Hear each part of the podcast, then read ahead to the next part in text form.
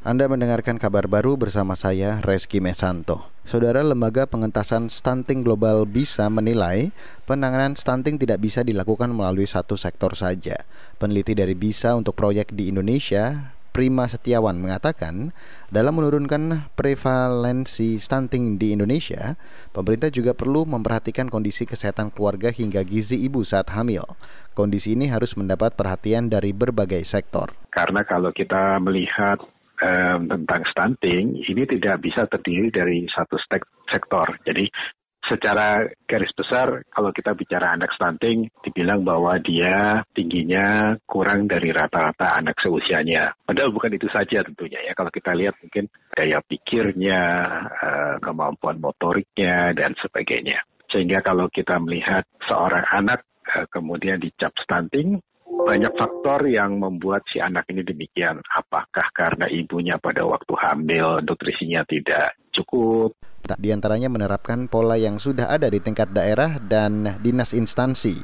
Selain itu, pemerintah mesti melibatkan LSM, perguruan tinggi dan sektor swasta untuk membantu program ini. Selain itu juga pemerintah perlu melakukan pendampingan dan sosialisasi pada penerima manfaat program penurunan stunting secara maksimal. Berdasarkan riset Kementerian Kesehatan pada 2018, ada 4 juta bayi di bawah usia 2 tahun di Indonesia mengalami stunting. Beralih ke informasi selanjutnya, Saudara, gugus tugas percepatan penanganan COVID-19 menyebut ada puluhan orang dari kerumunan masa Rizik Sihab yang dinyatakan positif COVID-19. Ketua gugus tugas COVID-19 Doni Monardo mengatakan sedikitnya ada 60-an orang positif dari Petamburan dan Tebet. Doni meminta masyarakat yang ikut berkerumun saat menjemput Rizik Sihab di Bandara Soekarno-Hatta atau menghadiri acara di Petamburan untuk memeriksa diri ke puskesmas terdekat. Beralih ke berita mancanegara, saudara. Kapal perang peluncur rudal Amerika Serikat USS Michael Murphy menjadi klaster baru virus corona. Dari 300 kru kapal, seperempatnya terinfeksi COVID-19. Menurut pejabat Angkatan Laut Amerika Serikat, kapal perang itu kini telah berlabuh di Hawaii sehingga tak terlalu banyak operasional yang terganggu akibat wabah corona. Seorang pejabat mengatakan sebagian besar kru kapal yang terinfeksi corona tidak menunjukkan gejala. Juru bicara Angkatan Laut Amerika Serikat, Nicole Swangman, membenarkan informasi itu.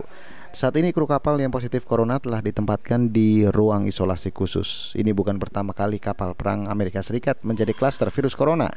Sebelum sebelumnya, kapal penjaga pantai Cutter Stratton terpaksa kembali ke pelabuhan setelah 11 awaknya dinyatakan positif virus corona. Demikian kabar baru KBR saya Reski Mesanto.